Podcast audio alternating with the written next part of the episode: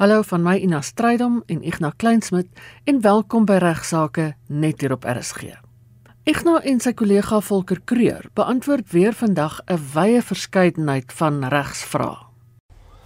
Goeiemôre aan al die luisteraars, goeiemôre ook sommer aan almal daar by RSG, Ina en jou Amorey en ek dink nie ek het al ooit uh, op hierdie program geluk gesê aan uh Louise Jooste, ons nuwe stasiebestuurder nie uh ook uh welkom aan jou. Ek hoop jy luister ook van tyd tot tyd Louise Jooste uh wat in die plek aangestel is van Magdalene. Nou, ek het verlede week reeds vir julle gesê ons het 'n klompie vrae en antwoorde bespreek, sommer kort vragies en antwoorde wat ek hoop vir julle interessant was. Ek het baie goeie terugvoering gekry. Ek het ook uh, vir julle gesê dat ek jong prokureurs bietjie toets wat hulle kennis betref en ek het vandag weer vir Volker Kreer hier by Rustenburg te kyk of ek hom daar kan vasvra met vrae wat u gestuur het.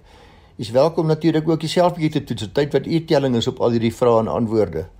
Môre, Ignas, môre luisteraars en ek moet bieg ek is so bietjie senuweeagtig soos laasweek ook baie van hierdie vrae is nou nie regtig my spesialiteitsgebied nie, maar ek sal my bes probeer en jy moet my maar reghelp as ek nonsens praat.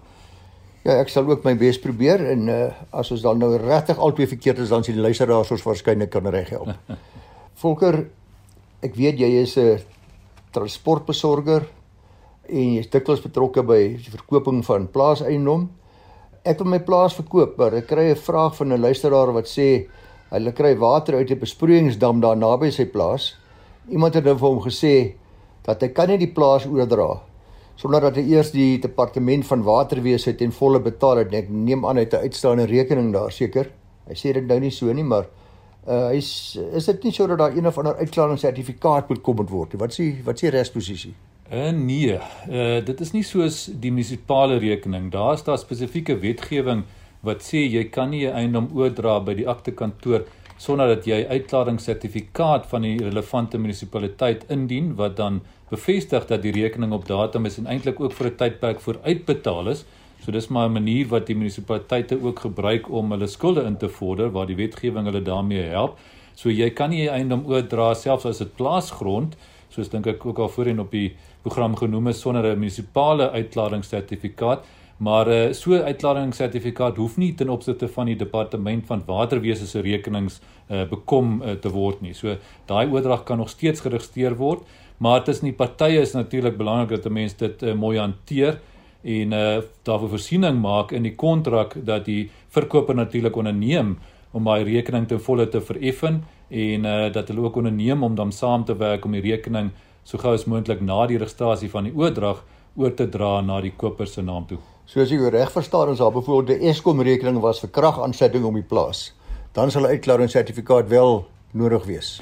Uh ook nie. Ook nie. By Eskom rekenings geld dieselfde beginsel soos die rekenings van die departement van waterwese. Dis net munisipale krag. O, okay, goed. Munisipale rekenings ja. waar jy die uitklaringssertifikaat moet kry. So by Eskom rekenings is ons uh, voorstel en advies maar altyd dieselfde. Aan die ander woorde maak seker dat jy in die kontrak dit mooi reël dat die verkoper die rekening op datum moet bring op die registrasiedatum en dat dit oorgeplaas word in die koper se naam, maar jy hoef daar ook nie 'n Eskom uitklaringssertifikaat of iets te kry nie. Nog op dieselfde tema as ek byvoorbeeld my deeltitel eenheid wil verkoop. Nou sê die bestuursagent vir my kliënt, jammer, uh, daar's uitstaande heffings van die beheerliggaam uh van die deeltitelskema en daar's ook heffings van die huiseienaarsvereniging wat nog betaalbaar is voordat uh, ons hierdie transaksie kan finaliseer en die oordrag kan plaasvind. Is hy reg? Ja, dis interessant. Uh, by 'n deeltitel skema is die wet op deeltitels natuurlik altyd van toepassing en dan is daar altyd 'n beheerliggaam wat outomaties volgens die wetgewing tot stand kom en wat dan ook geregtig is om heffings te vorder van al die eienaars. Daai heffings is uh, gebaseer op jou deelnemingskwota wat gekoppel is aan die grootte van jou eenheid in verhouding tot die grootte van al die eenhede uh, in in die deeltitel skema as sulks. So dit word deur wetgewing gereël, maar behalwe vir dit is daar ook soms huiseienaarsverenigings te sprake wat ook dalk 'n reg het om heffings te vorder. As jy byvoorbeeld 'n landgoed kry waar daar nie deeltitel skemas is nie, maar voltitels, dan uh, word daai huiseienaarsvereniging aan die begin geskep deur die ontwikkelaar en dit word dan 'n titelvoorwaarde gemaak in die transportakte. So omdat dan nou nie wetgewing is wat dit reël, gebruik die prokureurs en die ontwikkelaars die titelvoorwaardes in die eiendom om uh, voorsiening te maak vir die plig wat elke eienaar dan het om die ehm um, heffings te betaal en ook lid te word van daai huiseienaarsvereniging. So titelvoorwaardes dan eintlik iets wat jy kan gebruik om reëls te skep wat dan altyd geld vir daai stuk uh uh eiendom. So al word hy oorgedra omdat dit 'n titelvoorwaarde is, bind dit dan ook toekomstige eienaars van daai stukkie grond en die titelvoorwaarde sê dan gewoonlik die grond kan nie oorgedra word as uh, nie as ehm um, daar nie 'n uh, uh, as die nuwe eienaar nie lid word van die huiseienaarsvereniging nie en as die uh, bestaande heffings nie tot ten volle uh, vereffen word nie. So daardeur word uh, daar dan gesorg dat die heffings betaal moet word. So jy kan dan selfs ook 'n landgoed kry uh, waar daar deeltitelskemas is en voltitels. En so geval kry jy dus dan uh heffings wat aan die beheerliggaam betaalbaar is en ook verder heffings wat aan die huiseienaarsvereniging betaalbaar is uh wat dan afsonderlik kan bestaan. Ja, nee, ek stem 100% saam. Goed, die volgende een, Ignas, kom ons kyk of ek jou kan vasvra. Ek dink ek gaan dalk. Ek is 84 jaar oud. Uh, Alzheimer is 'n probleem in my familie. Ek begin nou self baie vergeetagtig te raak. Iemand het voorgestel dat ek 'n volmag teken wat my seun kan gebruik om my sake te hanteer as ek een of ander tyd as gevolg van die Alzheimer nie meer self in staat is om dit te doen nie. Kan dit werk? Met ander woorde, sal so 'n volmag nog steeds geldig wees selfs al kan ek nie meer self handel nie? Ek wonder of hierdie nie 'n skimp na my kant toe as hierdie spesifieke vraag met my ouderdomme nie. En volmag daar daar by die van Velde Duffy of so iets nie Volker maar nee. Ek gaan baie kort hiermee korte mette hiervan maak om te sê dat antwoord is eintlik eenvoudig en uh, skryf baie dikwels hierdie vraag. Dit is dat u volmag geld net volmag wat u gekry het van die persoon wat die volmag gee geld net solank daardie persoon handelingsbevoeg is. Solank daardie persoon steeds besef dat hy 'n volmag aan u gegee het en verstaan wat daai volmag se inhoud is, slegs dan, so sodra die die Alzheimer inskop of sodra iemand nie meer handelingsbevoeg self sou wees nie, dan verval die volmag en dan ongelukkig sal u die hof moet nader as u wil stappe neem na 'n so 'n persoon. Ja, ek stem saam, dan sal 'n kurator aangestel moet word. So ja, ek kry regtig hierdie vraag ook baie van uh kliënte en so en as ons praat oor testamente en boedelbeplanning is regtig 'n leemte in ons reg en ek ek wens regtig die wetgewer sou daaraan aandag gee en voorsiening maak vir wetgewing wat sê jy kan so 'n volmag teken wat geld selfs al is jy dan nie meer handelingsbevoeg nie wat soos ek dit verstaan in 'n klompie ander lande wel die geval is.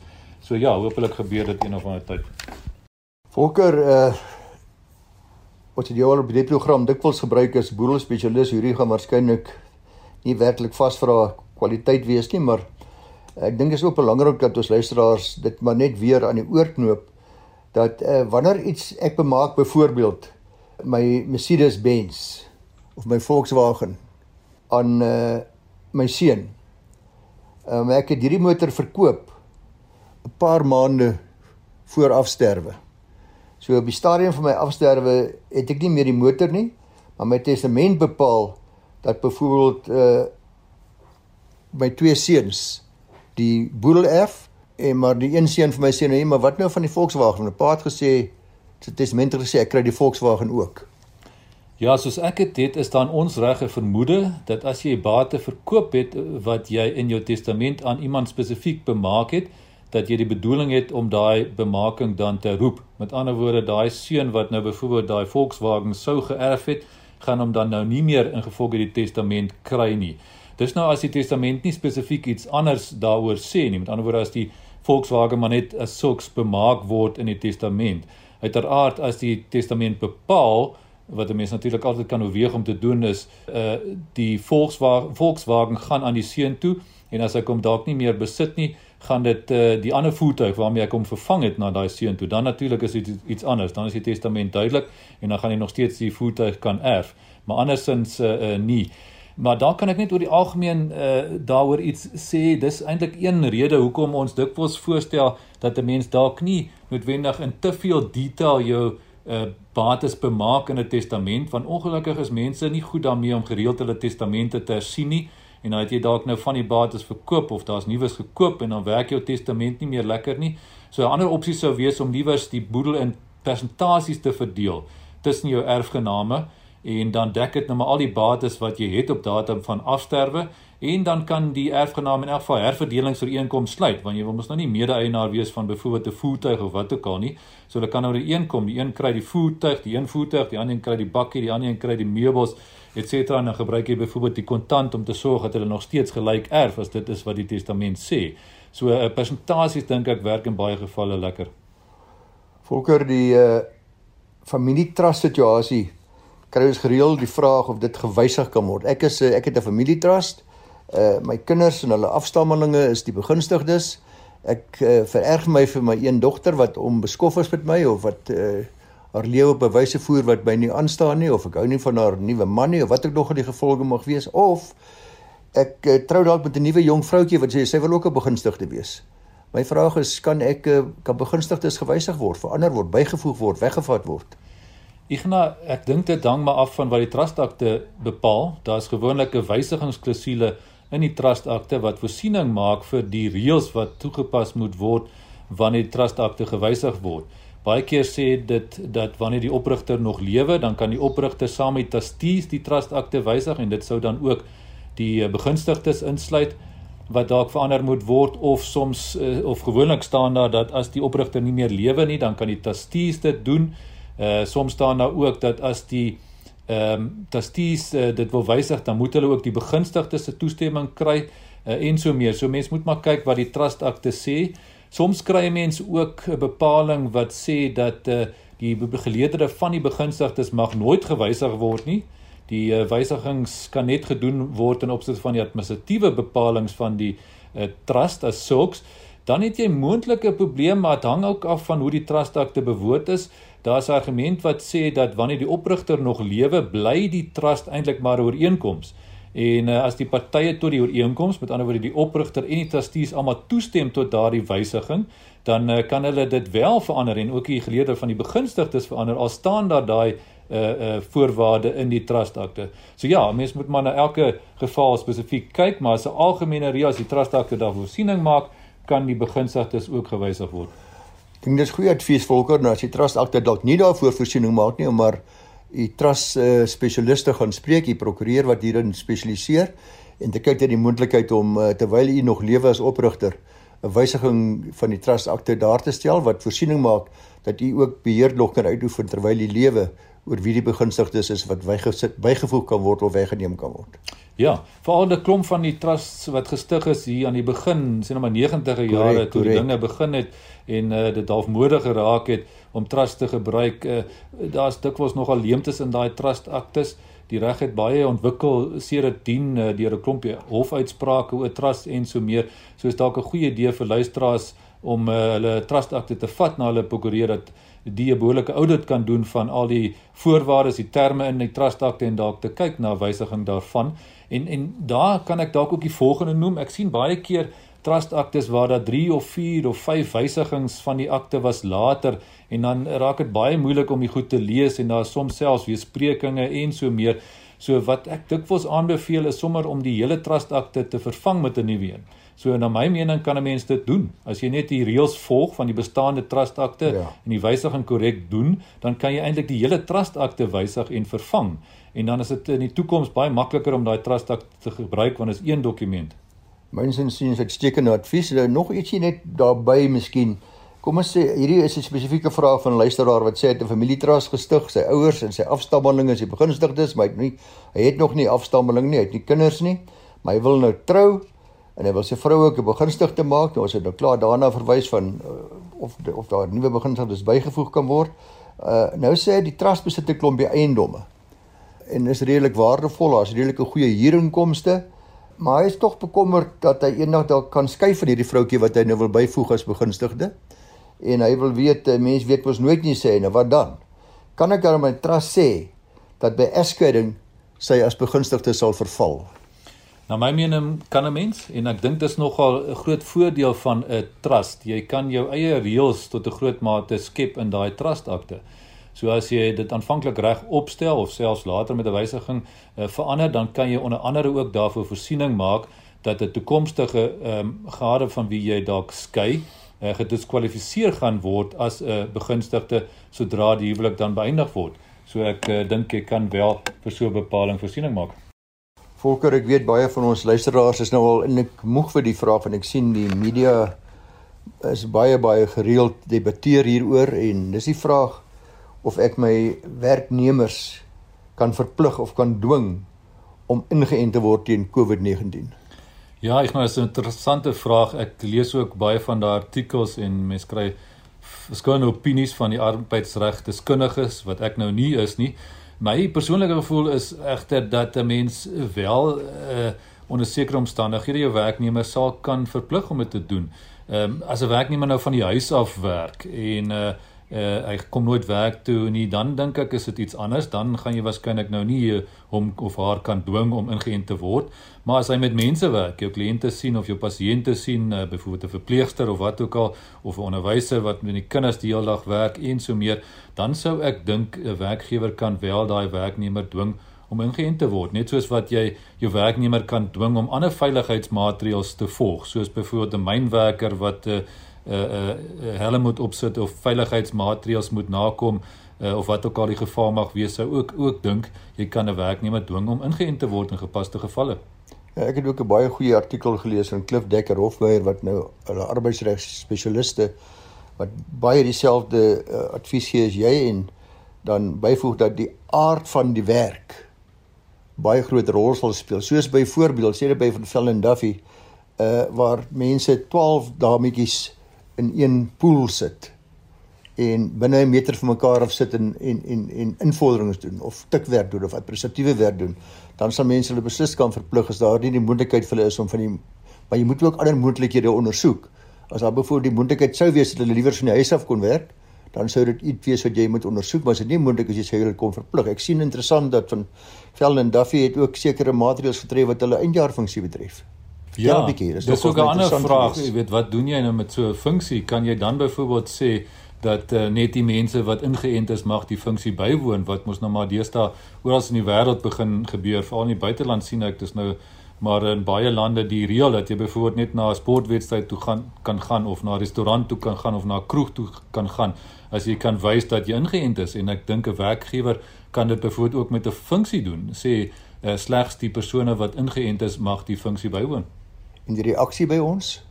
Uh daar is so 'n paar wat uh, dit nie wil doen nie ten spyte van die uh van die reël. Ons het nou gereël dat uh uh um 'n dokter en 'n verpleegkundige met hulle kom gesels en nou maar uh, hulle probeer oortuig en uh, verduidelik wat is die die voor en nadele van die inenting en so meer. Ons is natuurlik nie deskundiges op daai uh, gebied nie, maar uh, lyk vir my daar is tog uh, baie oortuigende uh, argumente hoekom 'n mens maar die die inenting moet kry. Ehm um, so ja, uh dit is nou maar uh, vir al die besighede uitdaging dink ek. Volker ek het 'n vraagie gekry oor die arbeidsreg ek weet jy's nie 'n spesialis nie en ek ook nie, maar ek dink hierdie kan ons dalk antwoord. En dit is 'n uh, die persoon wat sê dat hy uh, sy kassiere wat in sy uh, motorhawe werk op heterdaad betrap terwyl sy kontant uit die uh, gesteel het uit die geldkas uit hy wil haar onmiddellik ontslaan, maar hy verstaan dit nie dat eers 'n proses gevolg moet word. Ja, Ignas, soos ek dit verstaan, mense sou dalk dink dis so ernstige oortreding diefstal, jy kan tog daai werknemer dadelik ontslaan, maar uh, soos ek die arbeidsreg verstaan, werk dit nie so nie. Soos jy nou gesê het, dan moet 'n proses gevolg word. So maak nie saak hoe ernstig die oortreding is nie, jy moet altyd die geleentheid gee vir daai werknemer om sy saak of haar saak te stel. So jy moet byvoorbeeld 'n uh, uh, nou maar verhoor hou en uh, volgens die al die altern partem reël vir die werknemer uh, die geleentheid gee om te verduidelik wat gebeur het. Dalk is daar ook 'n uh, verduideliking, uh, dalk is daar misverstand of wat ook al. Um, en eers daarna wanneer die uh, werknemer die geleentheid gehad het om uh, sy saak te stel, dan kan jy uh, dink ek op daai feite wel die uh, werknemer ontslaan want diefstal uiteraard is 'n ernstige oortreding. Hierdie skryf wat ek ontvang van 'n persoon, eienaar van 'n plot naby Witbank en uh, ek het vir hom dadelik laat weet ek het nie die antwoord nie, maar ek gaan 'n spesialis hieroor vra want ek is self onseker, maar miskien kan jy ons help. Hy sê sy buurman het die stuk grond langs hom gekoop. Nou 'n klein winkeltjie daar begin op die grond en ook 'n motor was besigheid daar begin. So hy's lyk my 'n lewendige man, die nuwe buurman. Hy verkoop ook wegneem etes en uh die buurman is regtig nie gelukkig met die situasie nie. Daar's in en heen en weer ry hy daar voor sy plot verby. Daar's ook baie meer verkeer per voet wat nou nou al hierdie goedjies gaan koop daarso en gaan besigheid doen daarso. En natuurlik afgesien van die motors ook. As jy wind verkeerd waar hy sê dan kom ook reuke, kosreuke ensovoorts daar aan sy kant toe van van die buurman af en hy sê hy het toe nou vir mooi netjies geskrywe gerig wat hy vir hom gevra het nou hoor hy het hy die nodige permitte en hy het 'n baie baie uitdagende en 'n ampere beledigende antwoord gekry wat sê man dit het niks met jou te doen nie en ek het dag van nie jou toestemming nodig nie. En hy vra nou wat kan ek neem? Wat watter stappe kan ek neem om uh, om bietjie vas te vat? Ek glo glo die relevante belangrike beginsel daar is dat jy op jou grond of dit nou 'n stadsgebied is of dorpsgebied is of buite, jy weet plattelandse area nie net kan doen wat jy wil nie. Jy kan nie sonder meer net 'n besigheid daar begin nie. Daar sekere soneringsstatusse wat gekoppel is aan elke stukkie grond in die land.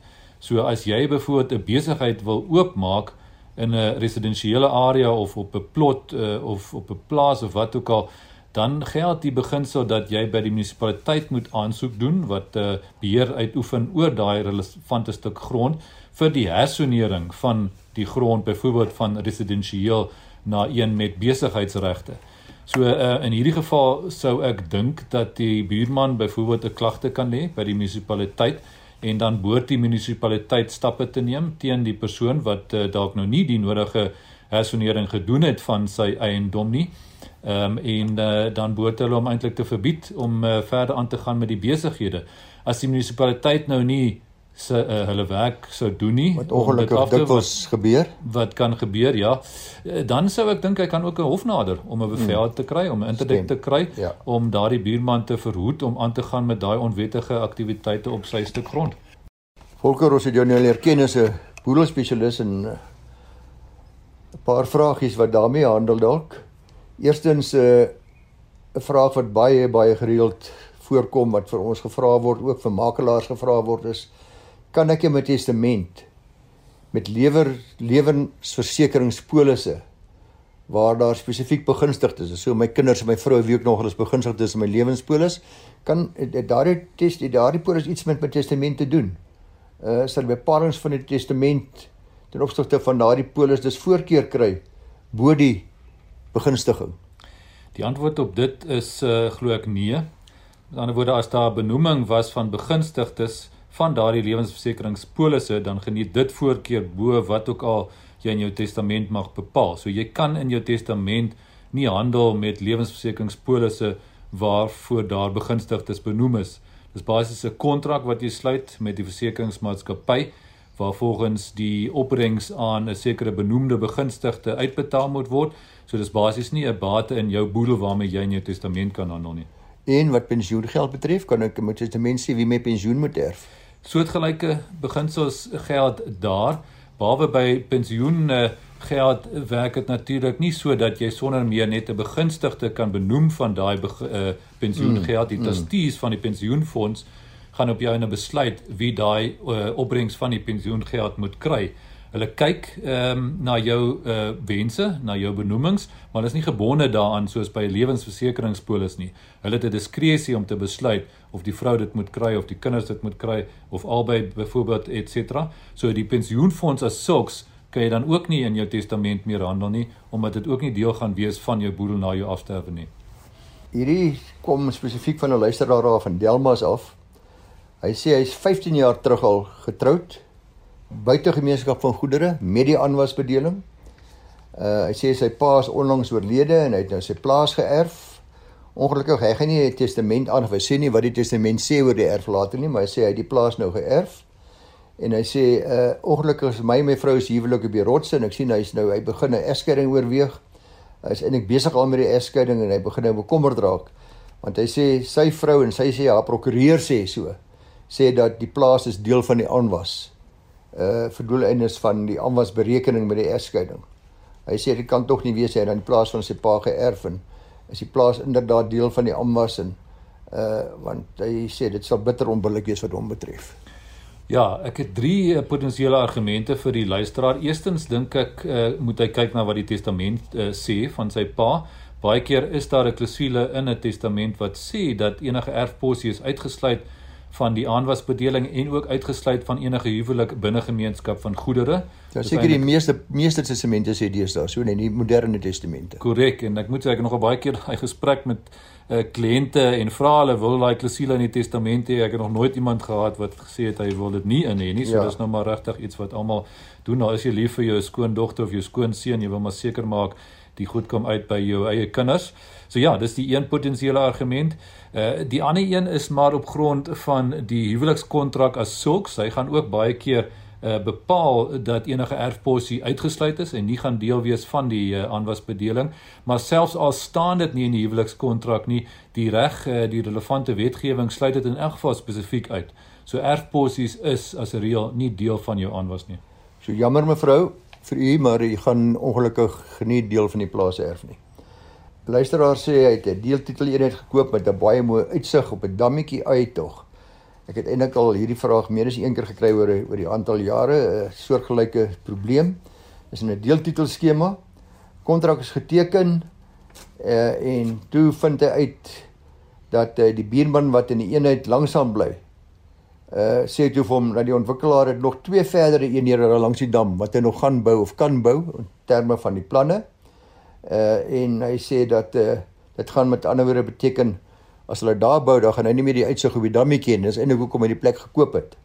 Nou hy's bitter ongelukkig. Uh hy sê die agent het nooit vir hom gesê van die verdere planne nie, van die verdere ontwikkelingsplanne nie. Daar staan niks in die kontrak nie. Hy wil nou nie meer voortgaan met hierdie transaksie nie en uh, kan hy uitkom. Ja, ek nou ehm um, wanneer 'n ontwikkelaar 'n deeltitel skema uh, begin, dan hou hulle baie keer 'n sogenaamde reg op uitbreiding uit ten opsigte van sekere areas van die bes, uh, betrokke uh, uh, skema. Uh, wat beteken dat hulle die reg het om verder daar uit te brei en eenhede te bou. So mense sou dalk dink dis deel van die gemeenskaplike grond wat uh, altyd oop gaan wees en wat natuurlik uh, altyd onloklik dan is uh, vir iemand wat dalk 'n eenheid koop byvoorbeeld met 'n uitsig soos jy nou as 'n voorbeeld uh genoem het. Maar uh as hy daai reg op uitbreiding het dan kan hy daar verdere eenhede oprig. En daai reg op uitbreiding interessant genoeg word vir 'n sekere tydperk aanvanklik vasgemaak in die uh, opening van die deeltitel skema byvoorbeeld 10 jaar 20 jaar 30 jaar Uh so soms verval daai reg op uitbreiding ook uh terloops wat baie mense nie van uh, bewus is nie. So ou kan altyd daai uh inligting kry en kyk of die reg op uitbreiding dalk al verval het, maar as dit nou nog nie verval het nie, dan as 'n reël kan die ontwikkelaar daai reg op uitbreiding gebruik om byvoorbeeld verder eenhede op te rig. Ehm uh, maar omdat dit natuurlik 'n ontwrigting kan wees vir 'n koper en ook so bietjie misleidend kan wees vir 'n koper, maak ons reg spesifiek daarvoor voorsiening dat die reg op uitbreiding moet geopenbaar word in die koopkontrak. En as hy nie geopenbaar word in die koopkontrak soos in hierdie geval wat jy nou genoem het, dan het die koper 'n verdere opsie om te besluit of hy wil aangaan met die transaksie of nie. So in hierdie geval gaan hy myns insiens inderdaad uit die kontrak kan kom omdat hy daai tweede keuse het om aan te gaan met die transaksie ten spyte van die reg op uitbreiding as ons die akteswerk doen vir so transport, moet ons ook altyd as die reg op uitbreiding nie genoem is in die kontrak ook 'n verklaring kry van die koper wat hy bevestig dat hy gelukkig is daarmee om aan te gaan met transaksie ten spyte daarvan dat daar so reg op uitbreiding uh, is wat nie in die koop uh, kontrak geopenbaar is nie. Dis dan al vir vandag. Groete tot volgende week.